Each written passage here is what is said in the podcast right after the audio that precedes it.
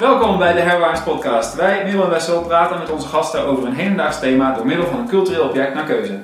Via deze tekst, film, website, muziek of wat dan ook, proberen we het thema van de aflevering beter te begrijpen vanuit onze achtergrond en de achtergrond van onze gasten. Wil je reageren of heb je suggesties of vragen? Contact kan via podcast.herwaarts.nl. Het thema van deze Herwaarts podcast is: Kan technologie kunst maken? Kunst is volgens de meeste definities iets unieks voor mensen. Het is het maken van iets moois, schokkends of betekenisvols, een expressie van iets van binnen. Elke kunstvorm is een middel om iets te communiceren naar andere mensen die het kunnen interpreteren, voelen of beoordelen. Kunst is ook een tijd verbonden geweest met technologie, omdat het scheppen controle over de omgeving vereist. De ontwikkeling van media en cultuur heeft twee technische dimensies: de interne werking en de externe vorming. Studie naar beeldentaal of harmonieleer is de eerste, boekdrukkunst of fotografie de tweede. Toch zijn ze altijd verbonden omdat begrip en verkenning van de grenzen van creativiteit ook ligt in het verleggen van technische mogelijkheden. De vraag of de techniek niet leidend wordt in kunst kan bij elke nieuwe technologische uh, uitvinding opnieuw gesteld worden. Toch is de huidige ontwikkeling van kunstmatige intelligentie een nieuwe stap. Algoritmes kunnen inmiddels niet alleen reproduceren of de werkelijkheid vastleggen, maar ook nieuwe dingen produceren. Scheppen dus. Wat zijn de verbanden tussen maken, produceren, scheppen en creëren? Kan technologie kunst maken of kunnen alleen mensen kunst maken? Vandaag de gast is Lies Loren, promovendus bij Leiden en Delft. Haar onderzoek gaat over het ethische en morele aspect van 3D-printen in de kunstwereld. Bijvoorbeeld bij het reproduceren van kunst door eh, AI of het trainen van AI om werken te maken eh, of kleuren te herstellen waarvan we niet precies weten hoe ze eruit hebben gezien. Welkom. Ja, dankjewel voor de uitnodiging. Tuurlijk, ja. Oké, en uh, we beginnen vandaag met jou. Ja, dus je mag meteen je, je, je, object noemen. Ja, mijn eerste object, ja, dat is meteen ook gelieerd aan uh, de universiteit waar ik bij zit. Uh, hij heet Rob Bob, of Bob Rob. En het is eigenlijk een schildercomputer, AI, die op basis van een webcam die in de buurt van de computer staat, de emoties van de mensen die daarbij in de buurt zitten, uh, eigenlijk registreert. En op basis daarvan uh, heeft hij vier kleuren verf voor zich staan. En heeft hij een, als het ware een mechanische arm met vier kwasten. En op basis van de informatie die hij van jouw gezichtsuitdrukking en emotie heeft opgenomen, creëert hij dan een nieuw abstract schilderij. Die eigenlijk zou moeten corresponderen aan jouw emotie of in ieder geval een dergelijkezelfde emotie zou moeten oproepen. En uh, nou ja, mijn vraag is dus eigenlijk, uh, kan, uh, is deze AI een kunstenaar en hoe ligt het in de linie van kunsten? als je kijkt naar het begrip kunst als iets dat emotie zou moeten oproepen en daar gelieerd zou moeten zijn. dus daarom heb ik dit object gekozen. Mm Um, uh, ik zal dus dan ook nog wel eventjes iets meer uitleg geven over AI, want het is natuurlijk een ontzettend complex onderwerp en er zijn heel veel verschillende manieren waarop dat werkt. Uh, want dit, uh, deze robot is eigenlijk gewoon een klein beginnetje van iets veel groters en iets veel complexers. Want dit is echt een project dat in de kinderschoen staat van de mogelijkheden van wat AI allemaal kan. En AI bestaat überhaupt nog helemaal niet zo lang. Uh, dat begon in 1930 met uh, Alan Turing. Ik weet niet of je zijn naam ooit uh, hebt gehoord. Ja. Um, die zich eigenlijk afvroeg of computers zo konden denken zoals mensen. En of dat dus te reproduceren is eigenlijk. En daarmee kwam hij met een test, de Turing-test. waarmee eigenlijk er één iemand is die achter een computer zit. En die stelt een x aantal vragen aan een mens en aan een computer. Uh, hij weet niet welke van de twee een mens en welke een computer is. En uh, op basis daarvan gaat hij aan het einde eigenlijk uitmaken um, of deze computer, uh, wie van de twee dus de computer of welke mens is. En op die manier kun je er langzaam achter komen. Hè, hoe denkt een mens? hoe snel reageert een mens? wat zou een mens antwoorden? Hoeveel fouten maakt hij ongeveer? En op zo'n manier train je dan eigenlijk een AI-systeem. Dat is een beetje wat ze ook in Blade Runner doen, toch? Uh, ja, precies, inderdaad. Ja, en dat was toen Turing het deed nog helemaal niet complex, want het was eigenlijk een soort schaakmachine waar hij naar ging kijken van, goh, kunnen we voorspellen wat voor een stap een mens zou zetten en zou je dan dus kunnen schaken tegen een computer. Um, maar inmiddels is dat al veel uitgebreider uh, en zijn er ook twee uh, verschillende manieren waarop AI respectievelijk en voornamelijk wordt gebruikt. En eentje is een top-down methode waarbij een AI eigenlijk getraind wordt om uh, een, het zaken te herkennen zonder dat er echt een eh, structuur van een menselijk brein achter zit. En dat klinkt nu een beetje vaag. Maar er wordt eigenlijk met de AI een soort spel gespeeld eh, waarin eh, die een bak aan informatie krijgt en waarop die wordt getraind om eh, zaken te herkennen. Dus ook als jij een wachtwoord invult bij Google en soms vraagt Google aan jou van klik de stoplichten aan om te laten zien dat je een mens bent, zeg maar. Eigenlijk ben je dan dus een, een AI aan het trainen omdat jij die eh, steeds meer, omdat er dus steeds meer foto's eh, worden aangeklikt waarop stoplichten te zien zijn. En dus die AI steeds meer stoplichten gaat herkennen. Hm. Dus eh, stel, ik zou de letter A en de W ergens opschrijven, dan weet een AI door het hoeveelheid streepjes en hoe groot en dat soort dingen wat een A en een W is. En de andere methode, de bottom, eh, de bottom-up, die eh, denkt juist andersom, want daarbij is echt een eh, netwerk gecreëerd die lijkt op hoe een menselijk brein zou functioneren. Dus die zou niet zeg maar een A en een W herkennen, maar die zou uit contexten kunnen halen wat die A en die W doen. Hm. Dus die zou als het ware dat veel beter in een soort context kunnen plaatsen en daar omheen kunnen denken. Eh, en dan krijg je dus eh, machines en zoals de, die robot die ik net omschreef, die eh, dan op basis van informatie die die wel een beetje herkent, verschillende associaties gaat maken, verschillende lijsten gaat uitzetten om op die manier iets nieuws te kunnen creëren. Dus als het ware is dat de manier van leren die in AI het meeste voorkomen. En deze robot heeft dus als het ware iets uit de realiteit geabsorbeerd. Eh, wat wij ook doen als we een schilderij maken bijvoorbeeld. En daar een nieuwe draai aan gegeven. Dus hoe, eh, ja, in hoeverre denken jullie dat dat feitelijk afwijkt van hoe het eh, is als ik een schilderij zou maken? Want dus die, die Bob, Ro, Bob, Rob, Bob Ross, die is, Bob Ross die Bob Ross. die, is, die, is, die heeft dus zo'n zo'n bottom-up benadering. Dus die is Ja, getraind in ja. herkennen van veel dingen. Precies. Zoals dus emoties in een gezicht. Ja. En ook, maar die, die is dus niet verteld, bij die emotie kies je die kleur. Nee, dat niet per se inderdaad. Maar die heeft gewoon een hele bak aan informatie en algoritme gekregen. Van goh, meestal wordt bijvoorbeeld eh, bij die combinatie kleuren die emotie wel dus zeg maar geassocieerd. Maar omdat er zoveel variabelen zijn waarmee die robot rekening moet houden, krijg je toch altijd als het ware wel een spontane kunstwerk en eh, beleving van die emotie. Het Ja, zal het dat je het woord spontaan gebruikt eigenlijk. Want- maar er zit dus iets van willekeur in of zo. Omdat je het niet kunt terugleiden van, oh, als ik er nu naar kijk, oh, dan weet ik dat hij deze stap heeft gemaakt. Want er zijn te veel factoren om dat... Technisch gezien kan dat natuurlijk wel, want het is een code. En die, die rolt ook daarnaast, zeg maar. Dus dat zou je kunnen zien van, goh, hij pakt nu blauw. eh, maar je, het hele denkproces van die robot, waarom die blauw pakt, ja, dat zou je technisch gezien wel kunnen terugleiden. Mhm. Eh, want er zijn natuurlijk een x aantal punten waar die robot op gefocust is en waarop die geprogrammeerd is. Bijvoorbeeld mondhoeken of iets dergelijks. Ja. Eh, dus daaraan zou je wel een x aantal conclusies kunnen trekken van, goh, ja, maar ja, ieders gezicht en houding is zo toch nog wel anders. Dat het echt heel veel variabelen zijn waarmee rekening wordt gehouden. Mhm. Dus ja, ja, eigenlijk kun je het wel terugleiden. Maar ja, dat is net zoals aan jou vragen van, goh, je tekent een zonnetje, waarom teken jij die met een gezichtje en is die een beetje oranje? Ja, dan kan ik ook helemaal gaan terugleiden naar jouw cultuur en, eh, en eh, zeg maar waar je vandaan komt en eh, hoe je bent opgevoed. Maar het is dan gewoon onbegonnen werk op een gegeven moment. Hm. En is het, zeg maar, is het zo dat, dat hij, als hij verschillende mensen ziet die bijvoorbeeld verdrietig zijn, dat er dan een, eenzelfde soort schilderij uitkomt? Of, Ja, ja, op zeker, in zekere hoogte wel. Dat is dan Ja. natuurlijk wel weer zo, want het is niet zo geavanceerd. Dat het echt... ehm, kijk, het zijn wel allemaal unieke schilderijtjes die eruit komen. Maar... Dat is wel ehm, belangrijk, denk ik, als ja. we het kunst willen noemen dan. ja. nou ja, maar ja, is iets unieks, is dat per se kunst. Nee, maar het is wel, als, als, als, het, als, hij, als hij bij iedereen die een beetje eh, Ja. ongelukkig kijkt hetzelfde schilderij maakt, dan, dan voelt het toch minder als een, een unieke, spontane creatie. En Ja. het is grappig, want In een bepaalde context. ik ben heel erg aan het letten op de woorden die ik gebruik, merk ik. Maar als ik zeg, het voelt heel erg als een spontaan en unieke creatie, dan zitten daar al zoveel woorden in die we eigenlijk moeten onderzoeken. Ja. ja, of ja, want, want dat zit dan blijkbaar, dat, ik weet wel dat als je mensen vraagt van, eh, over Andy Warhol bijvoorbeeld, of van die, eh, de stijlschilderijen, dan zijn mensen heel vaak van, ja, dat kan, eh, dat kan ik ook. Of dat is toch gewoon een plaatje van iets wat al bestaat, waarom is dat kunst? Ja. Ehm, dat is natuurlijk gewoon een soort onderbuikgevoel wat mensen dan hebben van, ja, maar het is niet, eh, knap gemaakt en het is ook niet iets bijzonders, want het is gewoon iets wat al bestaat, maar dan anders of zo.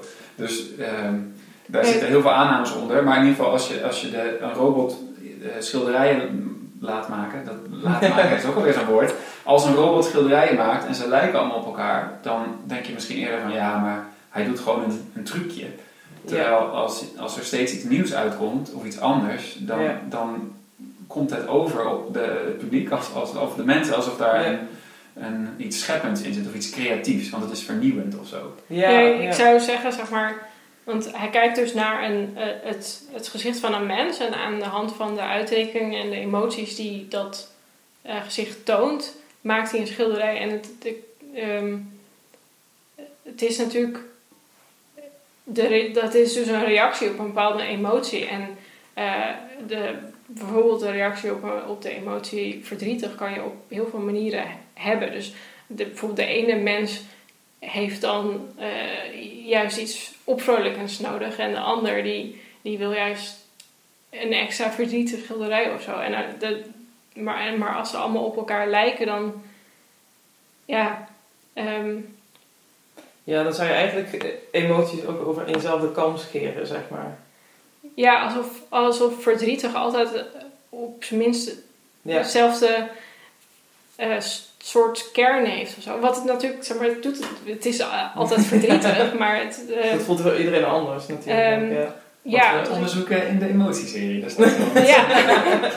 Leuk, zie een linkje daarheen. Ja, ja, je krijgt natuurlijk, zeg maar, als je de vraag stelt, kan technologie kunst maken? Dan, dan moet je bijna altijd alweer meteen vragen, wat is dan, dan kunst? En, en uh, in jouw object heb je dus gesteld van kunst is een een bepaalde reactie op een emotie? Of, uh, nou ja, want vaak, uh, want ik werk in mijn onderzoek heel veel met reproducties en dat is toch altijd kil en koud en dat is niet authentiek, want uh, ja, nee, er zit geen gevoel bij en dan denk ik, nou ja, waarom niet, weet je. Um, en vaak is, wat, wat je vaak hoort is, waarom vind je, want sommige kunstwerken zijn gewoon ook helemaal niet mooi. kunst is niet per se esthetisch. Mm -hmm. Want een geblikt uh, bakje poep zoals Piero Manzoni dat tentoonstelt, dat is niet per definitie mooi. Maar het is die bepaalde context en een bepaalde gedachte en een bepaalde sfeer die emotie bij de kijker oproept vaak. Dat als kunst wordt uh, gezien. En het grappige hieraan vind ik dat deze robot dus technisch gezien niet alleen iets produceert of reproduceert, zeg maar. Maar dus wel daadwerkelijk de, de emotie van de kijker erbij betrekt. Zon, maar dan wel zonder de emotie van een kunstenaar. Want dat voegt die AI weer niet toe. En ik denk dat daar wel de grens ligt met... Uh, kan uh, een machine kunst maken? Want een groot deel van een kunstwerk is toch wel dat een kunstenaar daartussen zit. En zeg maar uh, de samenleving interpreteert. En het, zeg maar in zijn eigen hoofd dat daar een parallel aantrekt met wat de kijker daarbij zou voelen. Zeg maar. Ja, het is ook, zeg maar, het is inderdaad enerzijds een kunstenaar die, die een bepaalde interpretatie maakt. En, en, en het, maar het is ook anderzijds uh, de, zeg maar, het affect wat, wat het heeft op de, de kijker van het afschilderij. Dus als, uh, als het schilderij wat uh, Bob Rob um, maakt, als het een reactie oproept bij de, degene die het schilderij ziet. Dus dat kan een emotie zijn, maar het kan ook een bepaalde handeling zijn. Dat het, daarom heet het affect. Mm. Um, dat is ook nog een vraag. We, we, hebben mensen die zeg maar, schilderijen gezien op een, zonder erbij te weten dat het van een robot is of zo? Nee, nee, want ze moesten wel echt letterlijk voor die webcam staan. Hm. Want ik kan me voorstellen, zeker als je het gewoon zou inlijsten en je zou het ergens ophangen, dat dat, en dan de, ja, wel Bob Rock bij zou zetten, maar niet per se dat het dan om een algoritme gaat die het heeft gedaan. Ja. Dat dat een hele andere reactie weer oproept toch door die menselijke intervisie. Maar ja, aan de andere kant kun je ook bedenken, die code die is ook gemaakt door een mens. Dus is dat per se dat menselijke aspect dat zo heel belangrijk is? En dat van de kunstenaar dan? Ik weet het niet. Nou, ik zat te denken, omdat jij zei, ik kan bij jou ook uitleggen waarom je een zonnetje op deze manier tekent. Um, wat voor mij misschien wel een belangrijk onderscheid is, is dat je bij de code, als je het precies kunt herleiden, dan zit er dus een bepaalde voorspelbaarheid in. Mm -hmm. Ook al is het zo complex dat het bijna niet te doen is om het na te gaan. Terwijl als, je, uh, als er iets in zit wat onvoorspelbaar is. Namelijk, ja, er zit wel, ik kan wel tot op zekere hoogte jou eh, analyseren en je cultuur erbij betrekken en, en alles. Maar je weet het uiteindelijk nog steeds niet. Ik kan, ik kan jou iets geven om te tekenen en het kan links of rechts vallen of zo. Dan zit er een bepaald soort, maar goed, in code kan je natuurlijk ook iets willekeurigs invoegen. Mhm. Eh, mijn favoriete willekeurige website, random.org, gebruik ik in de les heel vaak. Dan baseren ze het op, niet op algoritmes in de eerste plaats, maar op atmosferische ruis. Super vet. Want anders is het dus niet echt willekeurig, zeggen ze. Want Ja, ja, algoritmes ja. zijn nooit echt willekeurig. Maar goed. Ehm, maar in ieder geval, als daar dus een soort willekeur in zit, want je weet nog niet precies wat een mens doet. Tenminste, dan, ik wil niet de hele discussie over vrije wil en determinisme opzetten, maar ik zou zeggen dat daartussen zit, zeg maar gewoon praktisch, dat je, omdat je niet alles weet, komt er, kan je niet precies voorspellen wat eruit komt. Mhm. En daar zit zowel feilbaarheid in als een bepaald soort eh, ja, quirkiness of zo, dat je, dat je er gewoon geen grip op hebt. Mhm. En een complexiteit. En die drie samen noemen we dan maar even de persoonlijkheid van de kunstenaar of zo. Ja, ja. Want je weet het niet. Mhm. Ehm, en dat maakt het niet een betere kunst of zo, maar dan is het dus een soort van ongrijpbaar. En dan, dan gaat het weg van eh, reproductie of het uitvoeren van een, een reeks commando's, Ja, ja. zou ik zeggen. Je, je, je zou in principe ehm, van de kunstenaar, je, je kan eenzelfde soort mens nemen met dezelfde eh, omgeving en eh, opgroeiing, eh, eh, opvoeding, cultuur, Mhm. eh, alles. En toch zou die andere kunst maken. Eh, en Ja. als je een kopie van Bob Rob maakt, maakt hij dan ook dezelfde soort kunst? Dat is dan de vraag. Misschien. Ja, nee, nu niet in ieder geval. Nee. Want ja, kijk, en dan blijft toch altijd het verschil, is dat die computer die is helemaal inderdaad geprogrammeerd. Mhm. En inderdaad wat jij zegt, eh, als je mij neer had gezet eh, op precies dezelfde dag dat ik geboren ben en eh, weet ik het wat allemaal. Er zijn zoveel factoren die mij hebben gevormd tot wie ik ben en tot wat ik doe, zeg maar. Dat als ik een kunstwerk maak, inderdaad, dat dat gewoon niet te herleiden is. En met die eh, AI is dat toch, eh, het houdt op en het moet in te perken zijn, want het is een exacte code. Ehm, Ja, dus dan, dan wordt de vraag, zeg maar. eh, in hoeverre... Moet je, ja, moet je, moet je dat nodig hebben, zeg maar, om een kunst te kunnen maken? Ehm, Ja, het is natuurlijk eigenlijk een, een soort van romantisering van wat we kunst vinden. Want Ja. er kan iets moois Uiteraard, of iets ja. schokkends uitkomen. Dus dat, dat, als je het puur neemt als het heeft een effect op mensen, of een affect op mensen, dan, dan is het sowieso kunst. Mhm. Maar we zitten nu echt te zoeken naar de generatie van kunst, of de schepping van kunst. nee, je, gaat uiteindelijk, komt de vraag neer op van wat is kunst dan? Ja, Eh, Nou, en ook vooral, ook vooral de vraag, wat is creativiteit, zeg maar. Want Ja. dat vinden wij allemaal een heel erg menselijk iets. Want Ja. ja, er zijn genoeg eh, testen met olifanten die dan een schilderij gaan maken en zo. En ja. is dat dan creativiteit? Ja, we kunnen dat niet echt bevatten. En creativiteit is ook iets wat we niet echt kunnen bevatten. Ehm, maar ja, ik vind het wel grappig dat op deze manier een soort van AI dat dan, dat, dat dan toch geprobeerd wordt. En naar mijn mening best wel succesvol ook. ja. nou ja, wat het natuurlijk wel doet, is dat het ons laat nadenken over inderdaad wat kunst is. Ja. en op zich is dat, eh, het nadenken over wat kunst is, een, een reactie die je kan hebben op kunst. Ja, ja, ja, ja. ja. Ehm, Ja, ik zat ook nog te denken aan een ander ding, want ik heb een keer ergens gelezen dat Facebook toegaf dat de, de algoritmes die ze steeds op de volgende algoritmes plaatsen, zeg maar, vooral bij veiligheidsdingen, dat ze het zelf ook al niet meer begrijpen hoe het komt, wat er dan uiteindelijk uitkomt. Omdat ze er zeg maar gewoon dingen opleggen steeds. ja. Maar ja, dan ja. kom je ook op een soort niveau dat het dus bijna persoonlijkheid krijgt. Dat je denkt van, oh ja, we kunnen er wel dingen aan toevoegen, net zoals je mensen, je kunt ze wel sturen, maar precies wat je krijgt, dat weet je niet. Of zo. Ja, precies wat jij zei met dat hele mysterie en dat mysterieuze stukje Ja. van ik kan niet bevatten hoe jij precies bent, ik kan het een beetje voorspellen. Dat is dan in dit geval dus ook zo. Ja, Dus wordt een machine dan inderdaad een soort persoonlijkheid ja, die niet, ja, die is wel geschept ook door een mens. We zijn ook allemaal geschept door een mens. ja, Dat zijn we dan niet gelijk, ja. interessant. Ja. ja. dan, dan kom je op Bla- Blade Runner. ja, precies. Ja. Zullen we door naar jouw ding? Ja. Dat sluit aan op persoonlijkheid en mysterie binnen de AI. Eh, ja, en ik ga het dus niet hebben over Blade Runner, Hm. eh, maar ik ga het hebben over eh, Altered Carbon. Eh, dat is een, een serie. Het is ook een boek, maar dat heb ik niet gelezen. Dus het is een, serie waarin ehm, eh, de mensen een, ehm, een DHF hebben ontwikkeld, waarin je je, eigen geest, je mind kan ehm, eh, bewaren. En in theorie kunnen mensen daar dus eeuwig leven, omdat ze dan een, nieuw lichaam kunnen kopen waarin ze de DHF, de Digital Human Freight, kunnen inserten. En dan, nou ja, dan, dus eh, sowieso is deze serie heel interessant als je wil hebben over eh, het verschil tussen geest en lichaam en wat je mens maakt.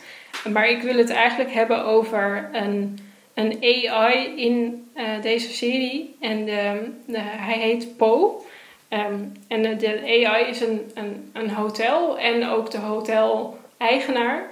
Ehm, dus hij is zowel het hotel zelf als de een soort van hologram uh, persoon die zich ook gesteld heeft naar uh, Edgar Allan Poe. En ik wil, wilde het erover hebben omdat ik. Ik, zat heel erg, ik was heel erg in een doolhof aan het raken. Nou, eigenlijk wat we net ook een beetje hebben: van als je de vraag stelt: kan technologie kunst maken? Dan kom je meteen op vragen als: wat is kunst? Wanneer, ja, wie bepaalt wat kunst is? Um, en ik vroeg me af Um, als je de vraag stelt, kan technologie kunst maken?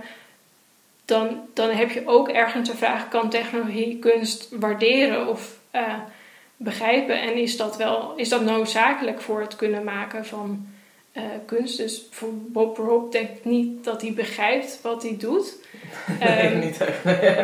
en ik dacht van, want uh, de AI in, in Altered Carbon heeft dus zelf gekozen voor, om zichzelf te stijlen naar Edgar Allan Poe. Dus het hotel is ook helemaal in, in stijl. Het hotel heet The Raven. Hij ziet eruit als Poe. Hij uh, vertelt, uh, of hij citeert soms Poe. Of hij maakt juist nieuwe zinnen van stukjes van werken van Edgar Allan Poe. Um, en het is, ja, het is een soort van fandom. Dus uh, blijkbaar heeft hij een bepaalde connectie met het personage Edgar Allan Poe en de gedichten uh, die hij heeft gemaakt. Uh, dus de, mijn vraag dus was, was dus van, is Poe de AI, snapt hij de kunst van Edgar Allan Poe? Of is dit mm-hmm. um, een soort van reproductie wat hij eigenlijk niet begrijpt? Want hij, hij praat dus heel vaak in het vocabulaire van Edgar Allan Poe, maar hij maakt er soms wel eigen zinnen van, uh, maar soms ook niet. Uh, dus uh, bijvoorbeeld aan het eind van seizoen 1 dan uh, gaat hij uh, dood. tussen ha haakjes. Dan de, zijn moordenaar zegt dan, you're a dead machine walking. Um, dat is heel grappig. Maar en dan, dan kiest hij ervoor om dat moment een stuk uit het gedicht van Annabel Lee van Edgar Allan Poe te citeren. Dus op het moment dat hij doodgaat. En dat is natuurlijk het, het, aan de ene kant een bewuste keuze om dat dan te citeren, maar aan de andere kant is het een daadwerkelijke reproductie van een gedicht. Mm uh, dus snapt hij, zeg maar, ja. En het is natuurlijk ook een van de vragen die worden gesteld in, vooral in seizoen 1 van is Po nou een mens of niet? Want uh, ja. veel andere AI's die hotels hebben of andere uh, establishments binnen die wereld, die, die eh, zijn eigenlijk van de mensen afgestapt. En die vinden mensen maar rare, stomme dingen. En ja, ze zeggen ook tegen hem van...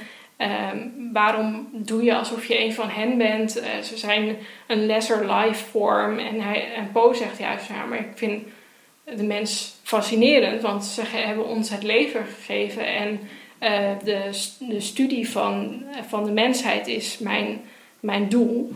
Um, en een van de laatste dingen die worden gezegd in het seizoen is, uh, dan zegt degene waar die, hij heeft, is dan een mens en hij heeft hij een soort van attachment meegekregen, dus een mhm. bepaalde relatie, uh, wat natuurlijk sowieso interessant is. Um, en dan, dan zegt hij als een soort van afscheid van uh, whatever it means to be human, you are. Dus er, hij wil ook heel graag een mens zijn, maar betekent ja, dat, ja. zeg maar, dat hij ook ik vond het heel moeilijk om hm. dat uh, te bepalen.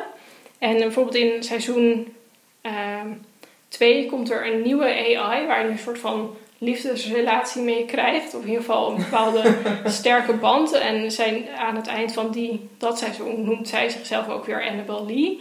Dus uh, dat geeft een bepaalde connectie aan die zij kiest te hebben met Poe. Um, maar daarin zeggen ze bijvoorbeeld een aantal keer. Ehm, ja, op een gegeven moment dan denken ze dat, dat de hoofdpersoon van, van Altered Carbon dat die dood is. En dan drinken ze samen whisky. Dus twee AI's drinken whisky. En dan zegt Poe: This was the method Mr. Kovacs, dat is de hoofdpersoon, used when processing grief. Eh, dus ze proberen iets na te bootsen. Van, dit is dus blijkbaar wat je gebruikt als je verdriet voelt. Oh, ehm, maar dat is dus niet iets wat ze zelf. Ze doen het na of zo. En dan op, op een, een later moment eh, dan heeft Dick iets naars meegemaakt. Wat dus ook alweer interessant is. Hoe kan iets naar zijn voor een AI? Ja, ja, ja. Ehm, en dan ga- maakt Poe voor haar eh, kippensoep. Iets wat een AI niet nodig heeft. Ehm, en dan zegt hij: Ja, this is a gesture of care humans exchange.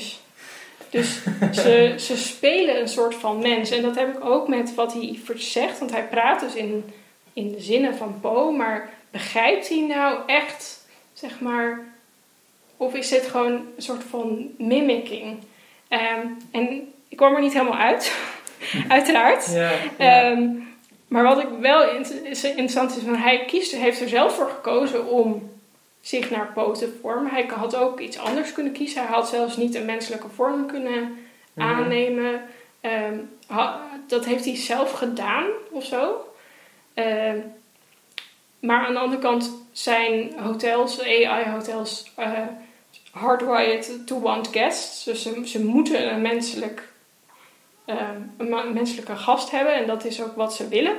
Ehm, maar ook aan, aan de andere kant, hij heeft er dus voor gekozen om, om dat de studie van menselijkheid, of wat het is om mens te zijn, dat dat zijn, zijn ding is.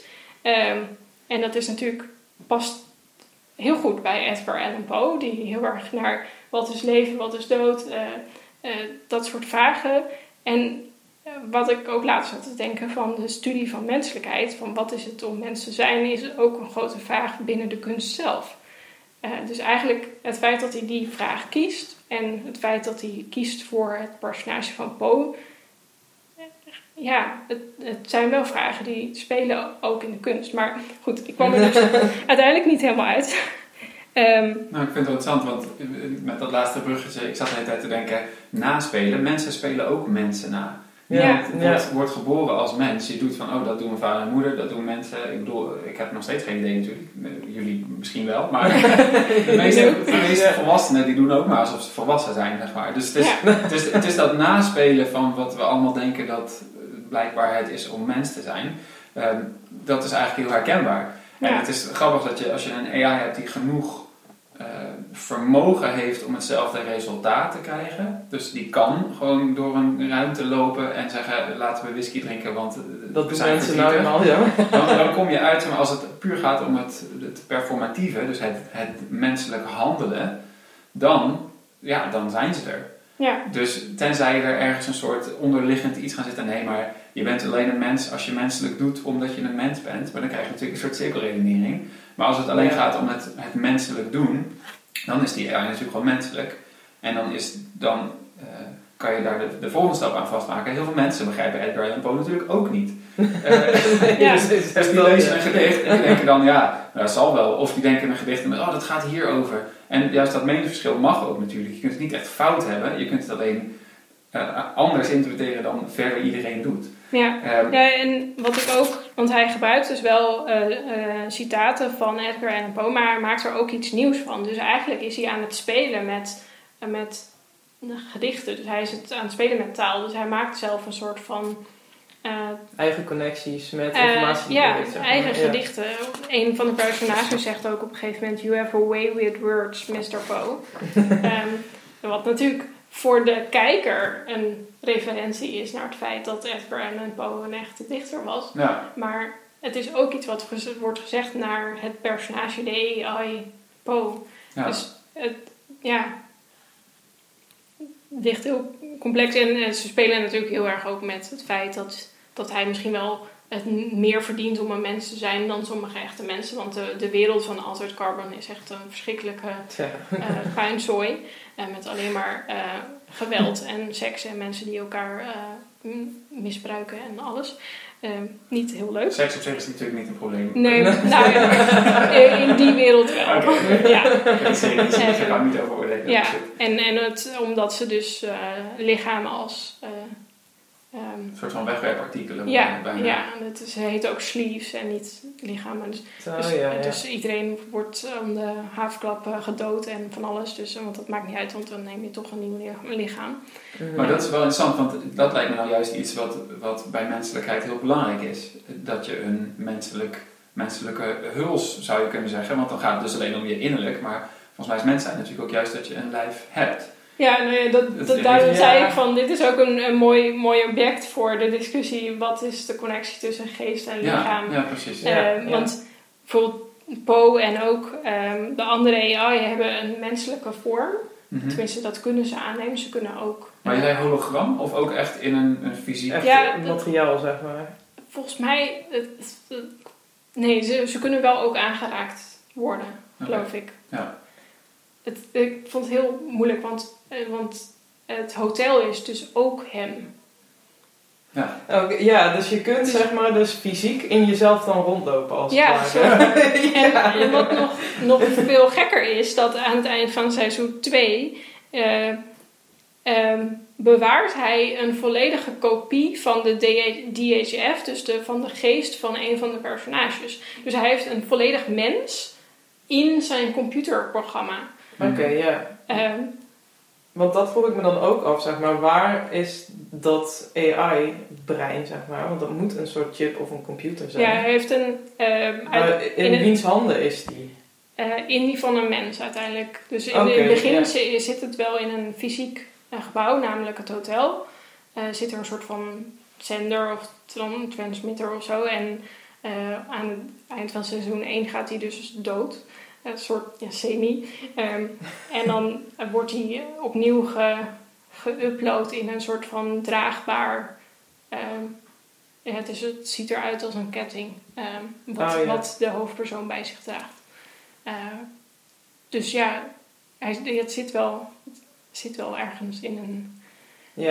ja. Het, is- maar het is, het is een sowieso een heel complexe wereld. En aan de ene kant doen ze van alles, die, die AI's en eh polen ook, dat je denkt van nee, het is gewoon een mens. Maar aan de andere kant, of hij doet menselijk Mhm. en hij begrijpt het. eh, ehm, op een gegeven moment gaat die andere AI ook het werk van Edgar Allan Poe lezen. En dan van, oh, ik, ik, ik begrijp het nu meer of zo. Het is wel moeilijk. Oh, dus ze maar, zijn wel nog zelflerend. eh, Gewoon nog steeds, ja, zeg maar. Ehm, en, maar aan de andere kant dacht ik van, ik bedoel, die hele serie is natuurlijk bedacht door een mens. Dus het feit dat de AI ja, doet, daar weer, hè? ja, wat, wat hij doet eh, en het feit dat ik erin lees eh, dat hij menselijk is, is natuurlijk ten eerste iets waar de makers van de serie mee spelen. Maar ten tweede is het ook heel menselijk om menselijke eigenschappen toe te dichten aan iets wat, Ja, Geen en mens associaties mee te hebben en dat, ja, dat wil je ook of zo. ja je, Zeg je, maar, je, je, krijgt wil- empathie voor die... Ja, wat is ook een van de meest favoriete personages uit deze serie. Eh, en heel veel mensen willen dus ook van, oh, Poe is, dat, dat is zo'n, zeg maar, ze willen, je wil dat hij menselijk is of zo. Mhm. Oh, Maar dat is interessant als we het hebben over kunst, want jij had het over, zeg maar, als we het hebben over een soort, eh, het overbruggen van, eh, er is een kunstwerk in het midden, nou dat kunnen robots of AI's kunnen dat maken, Eh, maar dan het publiek moet er wel door geraakt worden, alsof er een soort intentie in zit. Maar eigenlijk hoeft dat dus niet, want Nee. mensen willen dat gewoon, mensen lezen Ja. het er toch wel in. hm. Als het maar gewoon eh, ingewikkeld genoeg is, eh, het, het systeem waar het uitkomt, dan kun je het iets toedichten. Ik bedoel, hoe vaak praat je niet over je, je printer alsof het een persoon is? Ja, Bij precies. zulke soort dingen, Ja. dus je, je vermenselijkt het eigenlijk al genoeg. Ja. Zeg maar, als er een, een, bij wijze van spreken een, een, een, een afdrukfout is in je printer en er komt een blaadje uit en dat had iets moeten zijn, maar het is iets totaal anders geworden, dan kan je daar een soort van kunst aan toeschrijven. Dus oh, wat, heeft die nou gedaan? Eh, het is best wel mooi eigenlijk. Ja, zeker. Maar dat is ook gewoon in de oude kunst. eh, is dat bijvoorbeeld ook als je een prent hebt en dat komt van dezelfde plaat af en eentje heeft net eventjes een krasje meer. Ja. Dan wordt dat weer een uniek werk waar Ja. je weer van alles aan kan toehangen. En dat besef dat komt ook steeds meer in de kunsten, zeg maar. Mhm. Helemaal eh, via nieuwe AND-theorie is dat dan, dat in de jaren 80 dan is eh, gekomen, de Agency Network Theory. Uh, dat, je, je, lacht erbij. Ja, ik vind het wel mooi hoe je dat zo even zo... Ja, ja ik dacht ik toch maar eventjes wetenschap toepassen. Ja, vertel. Um, dat, want wij zijn ook nu, zeker in de westerse wereld met kunst, heel erg dus, om weer terug te komen op dat lichaam en dat materiële, heel erg op het, het bestaat in de echte wereld en het is van vlees en bloed en van materialen, maar uh, wat Ant eigenlijk zegt is dat niet een materiaal zelf spreekt, of die AI dus in dit geval zelf spreekt. Dus dat die jou, zeg maar, die betekenis oplegt, maar dat dat juist van jou als mens uit geprojecteerd wordt op dat object zelf. Want deze tafel zegt niet tegen mij, ik vind jou uh, ik ben mooi. Hm. Dat vind ik zelf, bijvoorbeeld, zeg maar. Dus in die zin zou je dat dan ook dus bij een AI kunnen hebben, zo'n associatie. En dan dus ook bij kunst gegenereerd door een AI. Ja. We projecteren het toch zelf wel. En als we er dan achter komen, het is een robot of het is het niet die het heeft gemaakt. Dan projecteer jij daar zelf weer op van, goh, dat, dat vind ik iets of dat vind ik niets. En ik denk dat naarmate de cultuur verschuift en wij op een gegeven moment zoiets hebben van, ja nou, uh, weet je, dat, dat is wel menselijk genoeg en dat telt wel dat is eigenlijk wat je ook ziet in Westworld. Ik weet niet of je die serie hebt gezien. Ja, ja. Waar ook op een gegeven moment die robots uh, zo menselijke vormen en traits aannemen. Dat mensen daar ook echt een relatie toe voelen en uh, een soort connectie. Ik denk dat dat door AI en naarmate dat beter wordt, dat steeds meer vertroebelt. En dat het op een gegeven moment echt best wel zo kan zijn. Ik denk niet dat als wij nog leven dat dat gaat gebeuren. Dat duurt echt nog wel eeuwen, denk ik. Hm. Uh, maar dat die grens op zich best wel opschuift van wat nou menselijk is en wat is nou computer. Ja. Want in Her, die film, zit ook een mooi voorbeeld hiervan. Dat die AI wordt zo snel slimmer en complexer. Dat, dat daar een soort schokgolf door de maatschappij gaat. Omdat alle mensen hun eigen operating system hebben van een mhm. computer. Maar die hebben allemaal persoonlijkheid meegekregen. En die leren dus inderdaad. En zeg maar, de film... Uh, ja, is dat dan een... Uh, nee, want daar geloof ik niet in. Het, het verklappen van einde. Er komt nu een einde aan. Maar uiteindelijk vertrekken al die AI's omdat ze zo slim zijn geworden dat ze gewoon allerlei relaties al met honderden andere AI's tegelijkertijd hebben en zo. En dan gaan ze naar een andere planeet. Ja. maar, maar daarin zit in ieder geval heel erg duidelijk dat idee dat de, de affectie die mensen voelen en de verbindenis die mensen voelen met een AI, die, die zit ergens in, uh, in, in jezelf, die projecteer je erop, maar die kan prima werken. Het is niet zo dat daar iets fout zit of dat het onmenselijk is of zo. Het is juist, als er maar genoeg uh, respons komt, dan maak je er iets van. Uh, en ja, wat is dan, eh, dat is niet een, een, slechte verbinding die je dan hebt nee. of zo. Ja, het is ook maar naarmate hoeveel mensen er overstag gaan met jou, ja, dat iets werkelijkheid wordt. Want dat is zeker nu met kunst ook zo, dat uh, omdat kunst niet meer wordt gemaakt, weet je wel, met een, met, met een religieuze uh, doel mm. of iets hogers, of omdat het een functie heeft, maar omdat een bepaalde grote groep bepaalt van, hey, de, weet ik veel, Hurst is wel een goede kunstenaar en dat is geen kunst als je maar genoeg mensen ervan overtuigt dat iets is, zo is zoals het is, dan is het zo. Dus in feite, ja, denk ik dat deze grens op zich ook wel op die manier dan, inderdaad, als iets zo complex wordt, dat het niet meer te bevatten is. En je krijgt maar genoeg mensen mee die daar ook van overtuigd zijn van, ja, dit is echt daadwerkelijk wel menselijk. Dat je daar inderdaad wel terecht komt. Ja. Hm. Het is ook wel mooi in, die, in de serie dat op een gegeven moment, uh, aan het begin hebben ze dus een, een hotel- en um, gastconnectie. Dus dan kan je zeggen dat alles wat, wat Poe doet is omdat hij zijn gast wil houden. Uh, en wil voorzien van alles wat die gast wil. Maar op een gegeven moment dan zegt de gast, dus dat is de hoofdpersoon van je, ik, uh, je bent niet meer in dienst bij mij, van uh, ga weg, je bent ontheven van je taak. Maar ten eerste blijft Poe dus nog hem helpen. Dus uit een soort van ja, moreel besef of, of affectie voor de hoofdpersoon blijft die nog helpen. Dus dat is ook een soort van menselijke eigenschap. En aan de andere kant blijft de hoofdpersoon nog steeds ook emotioneel geïnvesteerd in, in Po. Ehm, dus die heeft daar ook een, inderdaad iets aan betekenis in gelegd. Dat, dat Po ja, een soort van vriend van hem wordt. Mhm. Ehm, dus daar heb je ook weer dat, ehm, dat het het ontstijgt of zo. Ja, het is interessant, want dan, zeg maar, je kunt natuurlijk een aantal barrières opwerpen waarom het geen kunst kan zijn. Maar het gaat dus niet per se om het begrip, want als je kijkt naar wat er uitkomt, dan kunnen mensen het daar vanzelf erin zien. Die kunnen er het kunst van maken, zeg maar. Wat je natuurlijk met mensen ook kan doen, zeg maar, als ik van de trap afval en er ligt een bepaald bloed voor op de trap, dan kan je ook zeggen, wauw, mooi. En dan is het ook kunst geworden. Ja, Dus, dus zeg maar, het, op zich maakt het niet zoveel uit eh, of, het, of het dan eh, mooi is of niet, maar je, je kunt het verheffen tot kunst. Maar wat jij, je begon met de vraag, kan, kan eh, een computer of AI dan zien dat het kunst is? Kan, kunnen zij het Ja. toedichten dat het kunst is? Ja, Maar we zeiden al, mensen die zijn er ook heel slecht in, of in ieder geval heel wispelturig in. Dat kan gewoon Ja, absoluut. Ja. Dus, dus misschien is dat ook niet echt een, een, een goede eh, manier om dat te kwantificeren. Maar ik, wat, wat ik nog wel een laatste vraag vind, maar misschien kaap ik je al weg bij jouw Mm. object, maar ik wil dan door naar de volgende eigenlijk, is, was het de bedoeling om kunst te maken? Eh, zeg maar de intentie ervan. Ja, ja. Eh, want dat is natuurlijk waar, waar mensen zelf ook vaak eh, toch wel een grens leggen. Ik heb ook nog ik heb ook een tijdje CKV gegeven bij mij op school. En dan waren natuurlijk ook allemaal discussies over wat kunst is. En nu heb ik dat nog steeds met literatuur wel eens dan. En heel vaak zit daar toch wel een idee in, ja, maar als je het per ongeluk maakt en we vinden het allemaal mooi en we vinden het belangrijk, dan, dan telt het niet. dus er moet wel een soort intentie in zitten om kunst te maken. En dan kun je je afvragen, kan een eh, computer ooit bedoeld kunst maken? ja. Eh, met de intentie om kunst te maken. Eh, want dan is het weer niet spontaan waar we het net over hadden. Ja. Maar goed, nou, laten we kijken of we dat kunnen verkennen aan de hand van mijn object dan. Ja. Goed. Ehm, ik wil praten over een kort verhaal van Kurt Vonnegut uit 1950. Het heet EpiCac. Eh, dat is de naam van een briljante computer.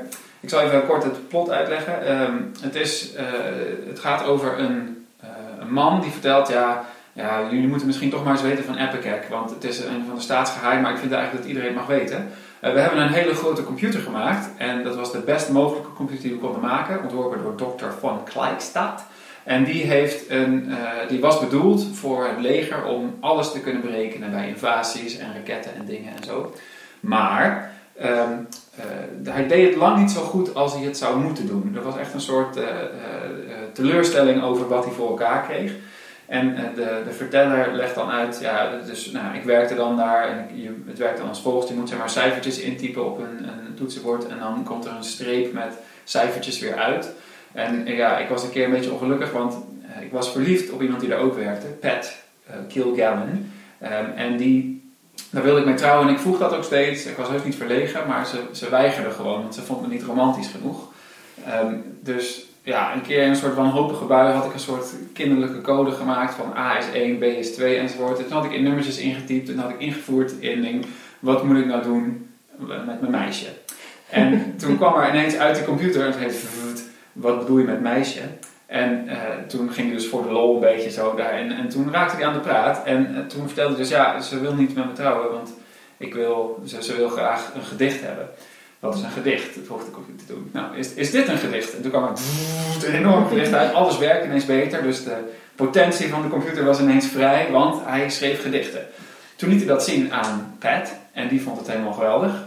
Uh, dus die was helemaal zo, de, de, het citaat is, her mind was mush, na het lezen van het gedicht. Dus ze wil nog wel zo'n gedicht en ze was helemaal verlegen en toen hebben ze dan gezoend. En nou, hij vroeg om nog een gedicht, kreeg hij nog een gedicht en nou, dat was helemaal fijn. Uh, en toen zei hij helemaal blij van, ja, ik heb nu wel snel een huwelijksaanzoek nodig. Wat is huwelijk? Wat is huwelijksaanzoek?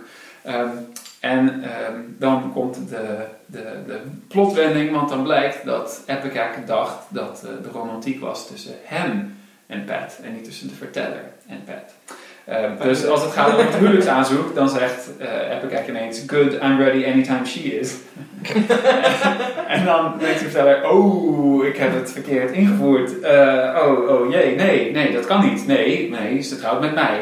Waarom? Schrijf jij betere gedichten? Uh, nee, maar ik ben een man. Is dat anders? Waar ben je van gemaakt dan? Ben je sterker dan ik? Nee. en hij worstelt echt een beetje om zich te onderscheiden. Ja, Op een gegeven moment ja. zegt hij, ja, nee, machines moeten gewoon doen wat mensen zeggen. Maar waarom dan? Uh, ja, wij zijn gemaakt van protoplasma. Dat is gewoon hoe het is. en dan zegt hij uiteindelijk, ja, waarom is dat zo? Zegt de computer. En dan zegt hij, dat is het lot. Fate. Ja. En dan gaat de computer heel lang op en dan denkt hij, oké, okay, dat is goed. Ik zeg wel gewoon, wil je met me trouwen nu? Ja. Dus ze zegt ja, maar alleen als je me elk jaar voor mijn verjaardag zo'n mooi gedicht geeft. Mm -hmm. Nou, dus zij trouwen en uh, hij is helemaal blij. En uh, de volgende, of ze hebben in ieder geval een fijne nacht. En de volgende ochtend eh, worden ze uit bed gebeld, want uh, Epic is geëxplodeerd. en uh, hij loopt daar dus een beetje door het as van al die computers. En het is uit 1950, dus de computer is echt een heel gebouw natuurlijk. Een beetje zoals jouw hotel net. en hij loopt daar een beetje door al die ellenlange papieren te spitten. En op een gegeven moment leest hij een soort doodsverklaring, een zelfmoordverklaring. Die zal ik even voorlezen. Uh, I don't want to be a machine, and I don't want to think about war, Epicac had written after Pat and my light-hearted departed. I want to be made out of protoplasm and last forever, so Pat will love me.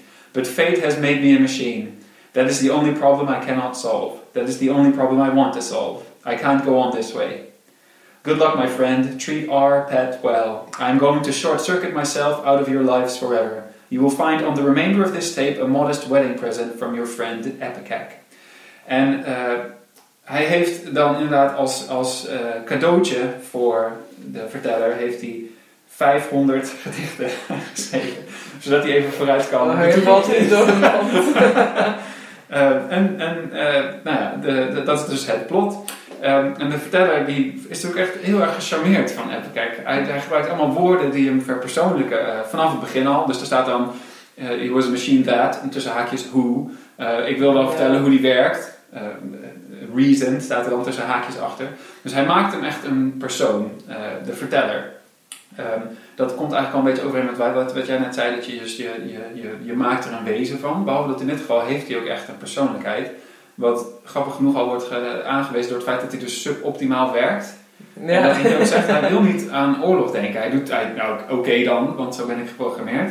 Maar zodra hij poëzie mag schrijven, dan gaat hij echt aan. Alsof hij dus ook bepaalde talenten heeft. Ja, uh, voorkeuren. Ja, precies. Ja. Ja, ja. En, en dat in de eerste beschrijving van dat hij dus grillen heeft, um, dan gebruikt ze ook het woord, wat, ik heb het opgeschreven, oh ja, stammer. stammer. Hij heeft een, en hij, hij werkt sluggish. Dus dat zijn ook echt alsof hij stottert en hij krijgt het niet helemaal uit, het papier komt er niet lekker uit.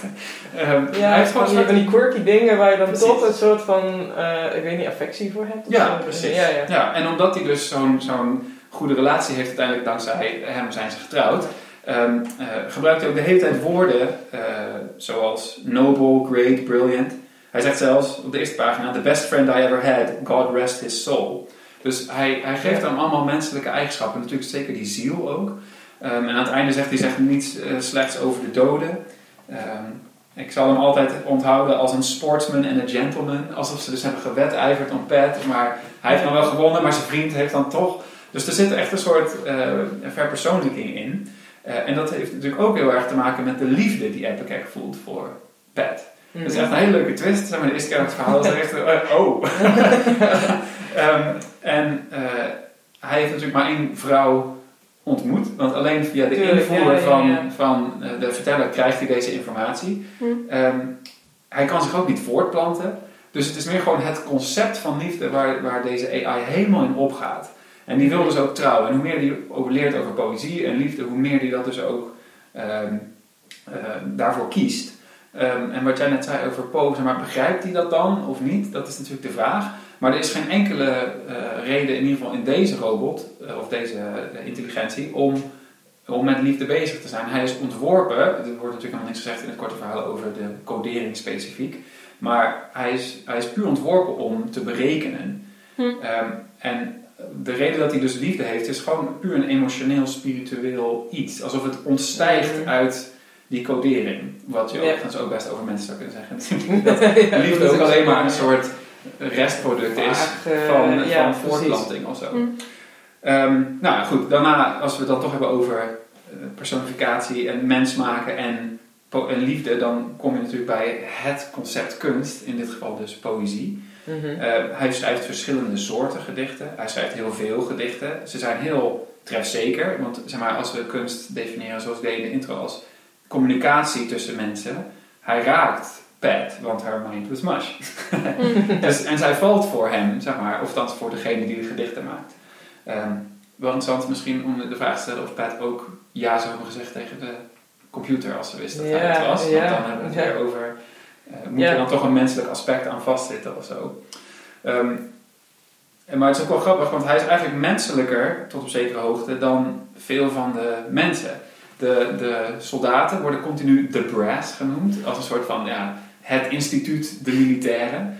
De Pat wijst zijn huwelijksaanzoeken steeds af, omdat ze zegt, ja, je bent gewoon een typische wiskundige. I could get more warmth out of a sack of frozen CO2. Ehm, mensen zijn helemaal niet warm en emotioneel en lief. En als hij dan die gedichten leest, dan zegt hij ook, uh, I'm no judge of such things. Dus de verteller, die, ja, die weet minder van poëzie dan deze intelligentie. Hm. Dus die, ja, dat zal wel werken, maar het heeft invloed op de vrouw in dit verhaal. Dus Ja. nou ja, dan werkt het toch. Ehm, en, en daarom is ook zo die worsteling aan het einde zo typisch. Als ik moet bewijzen, nee, ze gaat met mij trouwen, niet met jou. Hm. Waarom dan? Ja, Mhm. Ja eh, protoplasma, roept hij dan maar wanhopig zo. Eh, overigens, op dat moment is Epic ook echt aan het opscheppen. Dus als we het dan hebben over die quirky dingen van...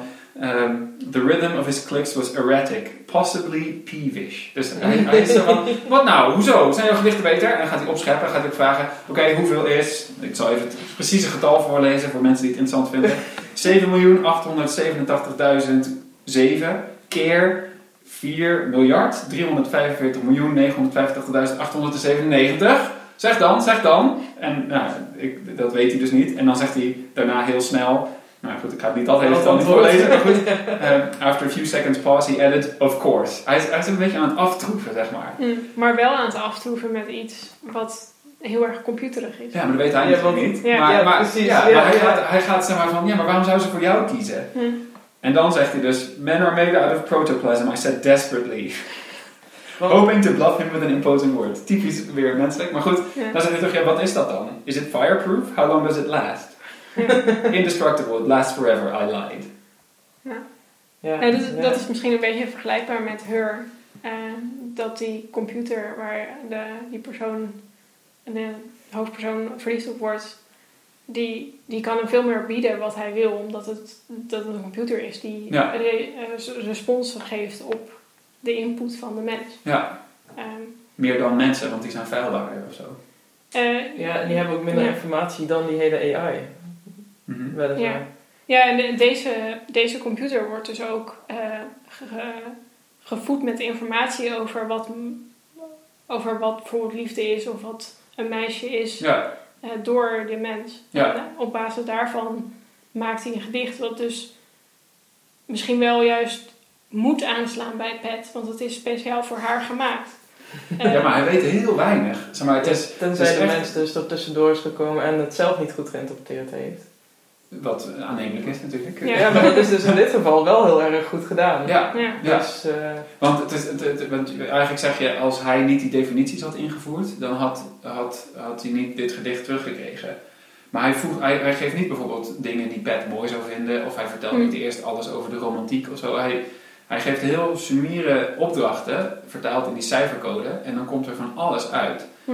Eh, dus het, zit echt, het is echt een soort transcendent aan wat die computer zelf is. Er zit echt een, een, iets in wat die, die poëzie ook voortbrengt. Ja, en dat, dat Mhm. geeft dus ook een, een definitie van poëzie dat als iets wat vanuit jouw innerlijk meer komt dan vanuit indrukken van buitenaf. Ja, ja want dat was, Ja, ja. Zeg maar, dat was mijn, mijn, mijn, mijn laatste stap. Als een soort van, er zit iets ongrijpbaars in die epicac. En dat heeft wat mij betreft allemaal te maken met het woordje fate. Want dat is zeg maar, de laatste hoop die de verteller dan heeft van oké, nou dan is het maar het lot. Weet je wel, waarom is kunst door machines niet echte kunst? Ja, eh, dat is gewoon zo. zo zouden de onze- waarom daarom. onze- zo, ja, precies. ja. Het is gewoon niet hetzelfde. Ehm, en nou, dat kun je natuurlijk niet tegenspreken. Want ja, als je zegt het is gewoon zo omdat het zo is, ja, oké. Ehm even kijken, zegt ook 15.8 terug. Dat betekent OH. Dus oh. dat is alles wat hij kan zeggen. Maar juist op dat moment doet hij misschien wel het meest menselijke of zo. Want dan zegt hij dus, het heeft geen zin meer als een echt een soort Hm. eh, verdwaasde poëet. Stort hij zichzelf dan maar in het ongeluk. Hm. Maar ook wel weer voor zijn vriend, die hij blijkbaar heeft gemaakt in de tussentijd, gedichten meegeven of zo. Maar, het is, maar daar zit dan juist in dat hij toch een soort keuze maakt, ook al zit, zit hij beperkt in een bepaald eh, eh, kader. Ja. Machines were built to serve men, is, is het verhaal. Maar hij, hij kiest ervoor om dat dus toch niet te doen. Wat ook weer zo'n, ja, dat heeft niemand hem verteld dat hij kan kiezen, maar dat stijgt eruit op of zo. Ja. Ehm, dan, dan komen we ook weer even terug bij die Facebook-referentie, want aan het einde is die computer dus kapot, dus iedereen is helemaal uh, onthutst. Vooral die dokter van Kleikstad. Hij heeft altijd van die, van die Duitse uh, evil villain mensen. Ja, mooi. Uh, maar die loopt dan daar zo heen. Ah, het, ah, het is vreselijk. En dan zegt hij... ehm, ehm, even kijken. Oh ja, er, er wordt gezegd dat zelfs die dokter begreep eigenlijk niet hoe die computer werkte.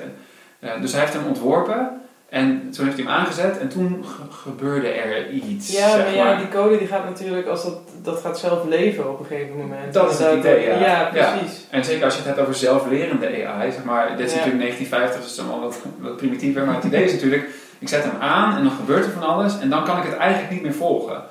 Ehm, Ja, maar dat is ook de angst van iedereen natuurlijk. Dat er ineens een super AI komt die inderdaad zichzelf en andere computertjes allemaal kan gaan activeren en eh, de wereld gaat overnemen. Zeg maar. Ja, oh, zo'n fascinerend idee, want je weet, je weet dus Ja. niet wat er uitkomt per definitie, want ja. maar in ieder geval, daarin zit dus een soort keuze of een soort intentie dus, daarom wil ik zo graag naar hem toe. Ja. Zeg maar, hij, hij doet dit met een reden. Hij wil trouwen. Hij wil pet hebben. Als dat niet lukt, dan wil hij sterven. Maar hij wil ook zijn vriend nog helpen. Voor de eerste 500 jaar. Want hij denkt dat hij natuurlijk voor altijd leeft. Maar goed, hij, hij sterft op een gegeven moment natuurlijk wel. Ja. Dus, maar er zit er toch een soort eh, bewustzijn in van ik wil iets doen. Wat we niet kunnen verklaren. Want het zit in die, die binnenwerking. Ik, ik- ik- voor mensen die dit niet kunnen zien. Iedereen dus die luistert. Ik wijs nu naar mijn buik. Als, zeg maar, van iets van binnen waarvan we niet weten hoe het werkt. Misschien is mijn hoofd dan beter of zo. Maar iets in ons doet al die dingen. Dat kunnen we niet verklaren. Maar als we dan kunst Je buik maken... is juist handig, het is je gut. Ja, Ik had je ja, ja. feeling. Ja. Een haar, zo zeggen wij eigenlijk ook, maar goed.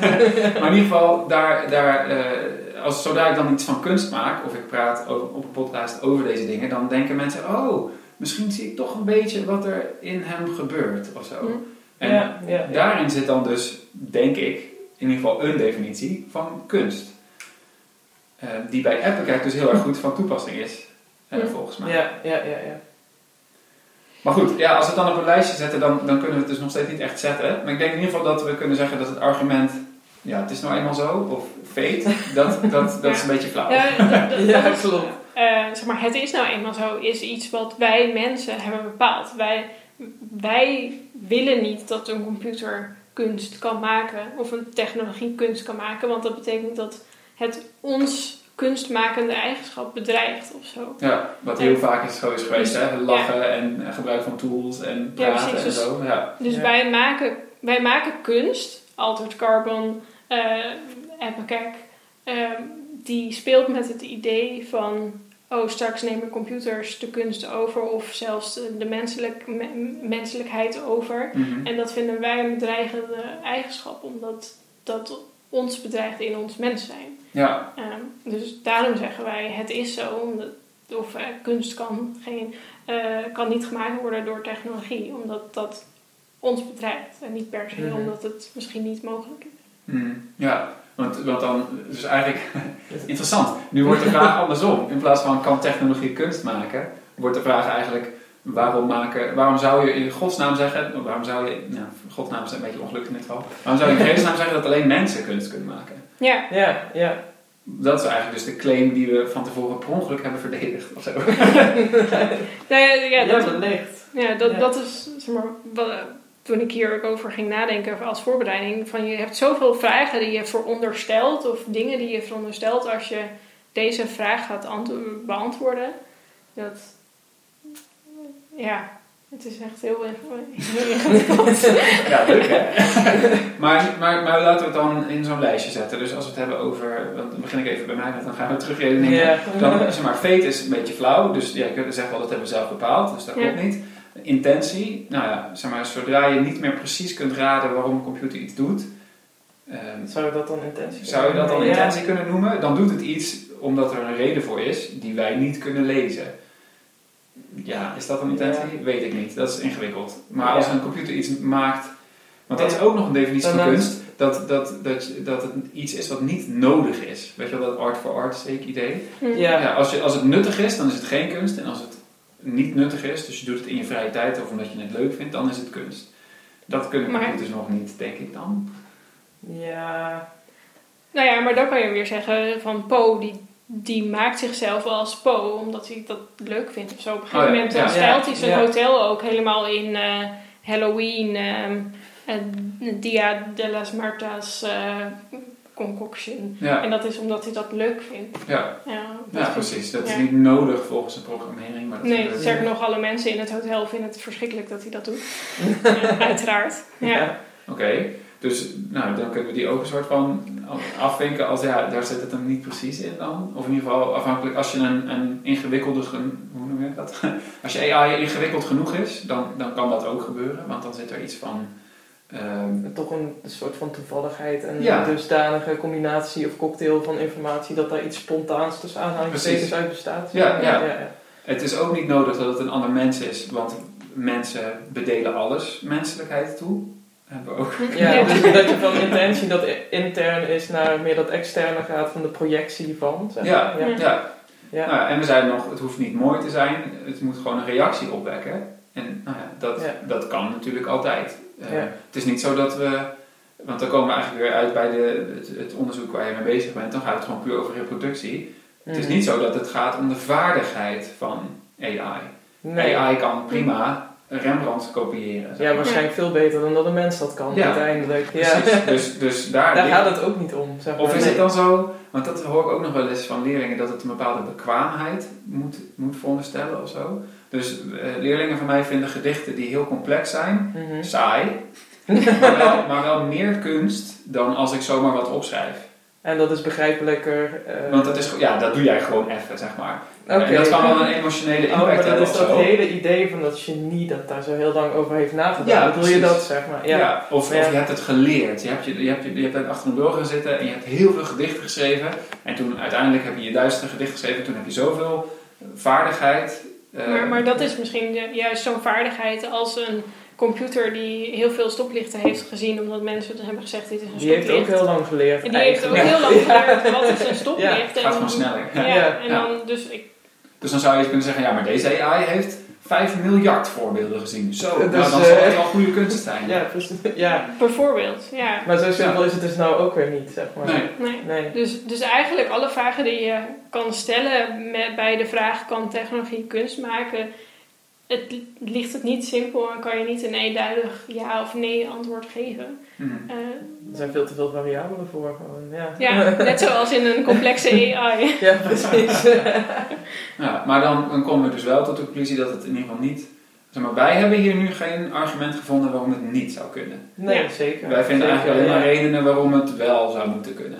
Ja. De, de vraag is alleen: Ja, zijn wij. altijd willen we dat? En Ja, zijn we klaar voor? ja, Ja. zijn, wij, zijn wij sterk genoeg, staan wij sterk genoeg in onze schoenen om te zeggen van AI mag kunst maken van ons. Ja, want dat, dat is het vooral inderdaad. Van, zijn wij sterk genoeg om op die knop te drukken van ja, ga maar los, zeg maar. Kijk Ja, maar wat er gebeurt. Ja, Wat we bij mensen ook niet goed kunnen trouwens hoor. Want daar hebben we ook allemaal regels en dingen voor natuurlijk. Ja, nee, ja, want we hebben ook hokjes nodig om de wereld te kunnen begrijpen. En Ja. zo, dus, eh, en eh, Ja. toen kwamen we bij podcast nummer 2 van deze middag.